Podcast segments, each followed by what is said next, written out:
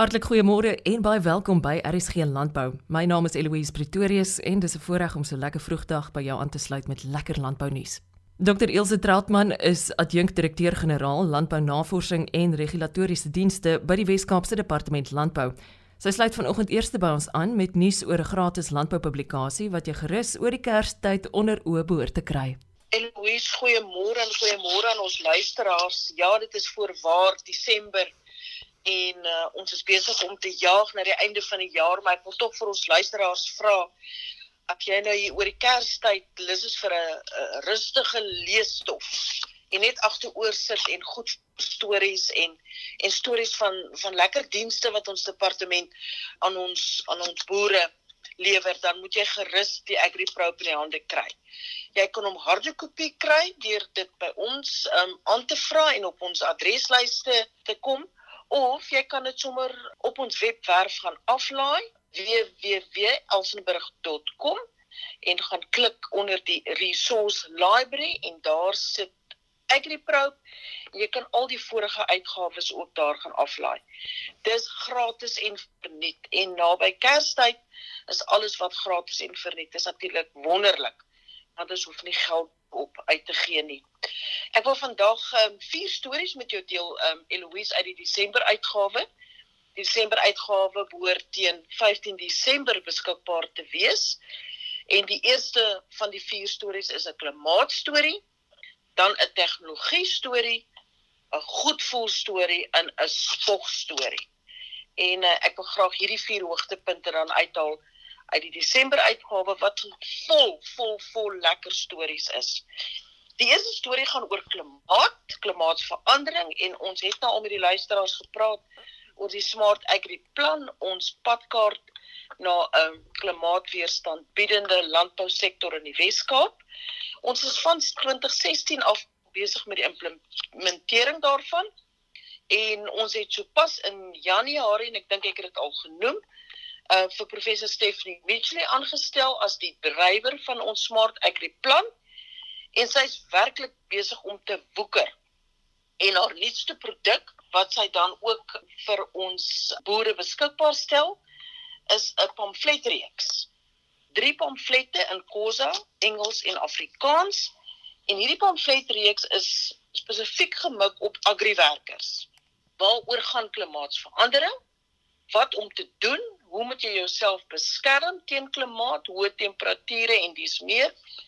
en hierdie drie pragtige pamflette is op ons webwerf ook onder die resource library maar hierdie keer onder e-book publications e-book publikasies dit is in PDF formaat en ons boere kan dit sommer lekker uitdruk en ook vir elke agriwerker in die hand gee want dit is belangrik dat ons werksmag ook regtig weet waaroor klimaatsverandering gaan en ook voorbereid is daarop Daar is nog 'n artikel in die AgriPro ook oor van die aksies van die Smart Agri plan.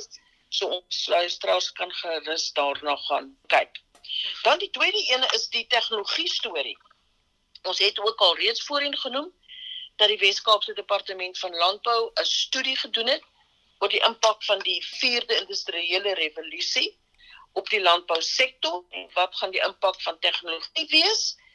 En uh in Engels sê hulle practice what you preach. Ons kan nie net vir mense daar van die 4 IR vertel nie, maar ons moet self as departement ook iets daaroor doen. En een van die fokusareas is natuurlik hommeltuig tegnologie en ons is besig om ons eie personeel op te lei om hommeltuie te vlieg en hulle ook te help om hulle remote pilot licenses uh die RPL soos hulle dit noem te kry. In 2020 het 12 van ons personeel dit gekry. In 2021 het 18 personeel dit gekry en dit bring ons groot totaal dan 30 van ons personeel wat dan hommeltuie in hulle werk gebruik om hulle dienslewering aan ons sektor beter en meer effektief te maak. Op die 21 September het ons dan 'n oop dag gehou waar ons ook ons rolspelers en boere genooi het om te kom kyk na ons hommeltuig tegnologie waaroor dit gaan, hoe kry ek 'n lisensie? En ons het ook 'n klompie van daardie mense genooi om hulle self te nomineer om opgelei te word en ons is regtig besig met 'n groot dryf rondom hommeltuig tegnologie in ons departement. Maar dis nie die enigste tegnologie waarmee ons besig is nie. Ons is ook besig met sensortegnologie, met aanlyn besluitnemingsmodelle. Ons is besig met allerlei tegnologieontwikkeling binne die omgewing van die 4de industriële revolusie. My derde storie is 'n goedvoel storie. En uh, ons weet daar's 'n uitdrukking wat sê waar daar 'n wil is, is daar weg. En dis presies waaroor hierdie storie gaan. Alex Vincent, 'n klein hoenderboer, het in Mei 2020 'n klein besigheid gestig en hy noem dit Valley Organic Abattoir. Hy produseer organiese hoenders en hy kon nie naby waar hy werk en en produseer 'n abattoir kry wat sy hoenders vir hom kon slag en verwerk nie. En toe maak 'n boereplan. Hy het met ons departement gesprekke gevoer. Daar's baie streng reëls en regulasies rondom die slag van diere, maar ook rondom die regulasies rondom 'n abattoir. En ons het hom gehelp om 'n klein abattoir op sy plaas in te rig en wel in 'n 12 meter verkoelde vraghouer. En hierdie klein abattoir is op sy plaas ingerig as 'n kom ons noem dit 'n vraghouer abattoir in Engels noem hulle dit 'n contain abattoir of container abattoir. Dit is die eerste in die provinsie hierdie klein abattoir.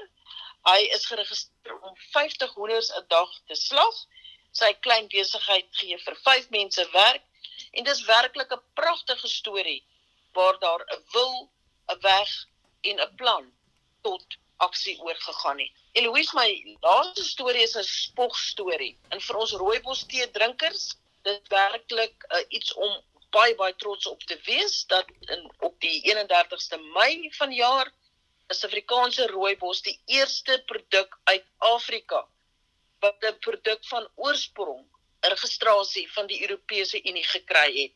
Ons departement het die rooibos bedryf bygestaan oor jare heen om hierdie registrasie te kry.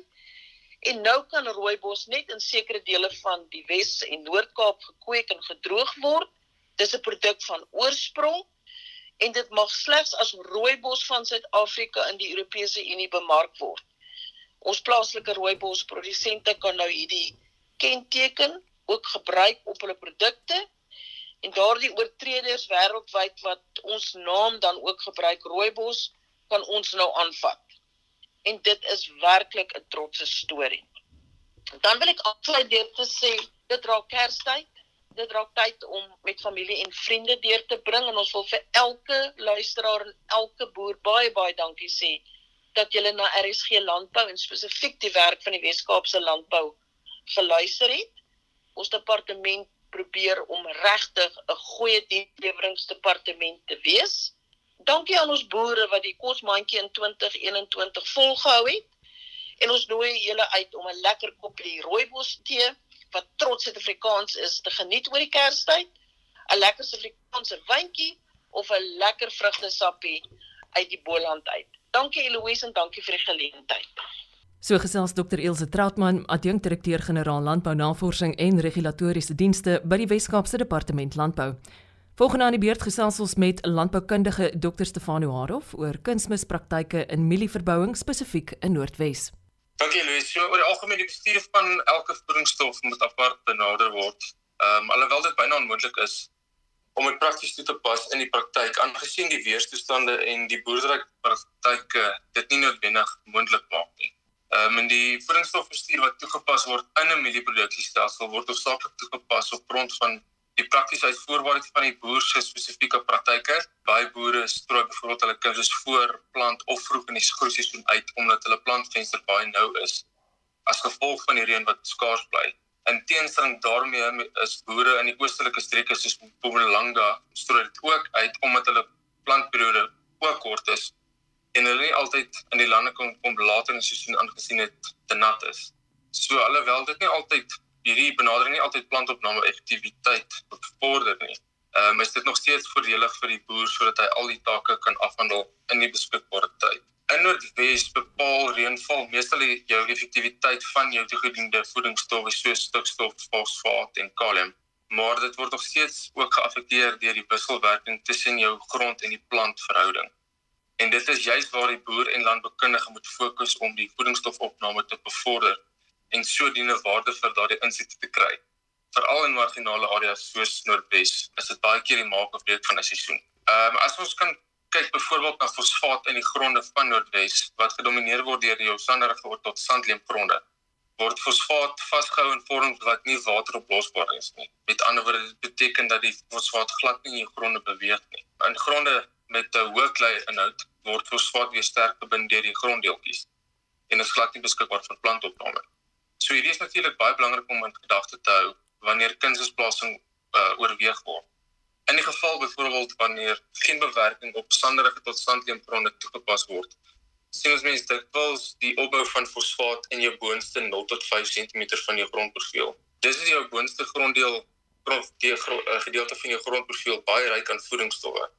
En dit meer voordelig sal wees om jou kunsmis dieper te plaas tydens plante. Tussen hierdie reënvalperiodes droog jou boonste grondprofiel uit wat dan onbenut bly tot dit weer reën. Dis jou effektiewe voedingsstofopname vind dan slegs plaas in jou dieper liggende en natte grondlaag. Indien jou fosfaat saam in 'n mengsel uitgestrooi word, bestaan die risiko vir die uitputting van jou fosfaat in jou 5 tot 10 cm grondlaag, waar jou plante dan vertraag word tydens jou droër periodes. In die geval waar jou grond elke jaar of twee vermeng word deur 'n tand of skaarploeg bewerking, sal jou voedingsstowwe soos fosfaat regdeur jou bewerkte laag versprei. Ehm um, boere in hierdie gevalle strooi dan dikwels hulle voedingsstowwe uit voorplant of as stowwemesting tydens die groeiseisoen wanneer weer oor die langer termyn opgeneem kan word. Kalium is 'n ander voedingsstof wat nie soveel aandag kry soos stikstof as dit by mielieproduksie kom in die westelike produksiestreek nie. Hoofsaaklik omdat die omdat die gronde hoog is in kalium van nature. Maar dit moet wat baie belangrik is om in gedagte te hou is met hedendaagse pasters en moderne tegnologie soos jou verbeterde planters en nuwe onkruidfeite wat baie meer effektief is het dit die opbrengspotensiaal oor langtermyn sterk laat toeneem van juis van hierdie areas. En dis moet jou voedingsstofpraktyke ook daarmee saam verander en aanpas. Byvoorbeeld die lewering van jou kalium vanuit jou grond moet dus voldoende wees om hierdie hoë vraag na kalium te bevredig. Indien goeie groeitoestande heers vroeg in die seisoen tydens jou vegetatiewe groeifase. En wanneer die opbrengspotensiaal hiervan 6.57 ton en hoër bestaan, is dit dan wel voordelig om ekstra kalium toe te dien in gevalle waar jou grond se lewering te stadig is al ontleed jy grond hoog in kalium. Hier is dit dan ook natuurlik belangrik vir die dieper plasing van jou kalium waar die grondprofiel vir langer natter bly dieper liggend aangesien jou kalium opgeneem word saam met die vloei van water in die plant in. Dis kan mens natuurlik kaliumtekorte in sekere gevalle sien wanneer dit droë toestande heers. Stefano, waar kan boere wat vanoggend ingeskakel is jou in die hande kry? So hulle kan my enige tyd 'n lei gee of 'n boodskap stuur op my selnommer wat 0791839050 is of hulle kan 'n e-pos stuur aan stefano.haarhof@yara.com. En daai Stefano spel mens met 'n PH, as ek dalk net die spelling van Yara met jou kan seker maak Stefano. Ja, dit is P H en dubbel F aan die einde van Harof en dan Jara is Y A R A. Dit dan landboukundige Dr. Stefano Harof. Dis die einde van ons program. Baie dankie dat jy saam geluister het. Onthou om môre om kwart voor 12 weer by my aan te sluit vir nog 'n aflewering van RSG Landbou. Ek is Eloise Pretorius. Totsiens.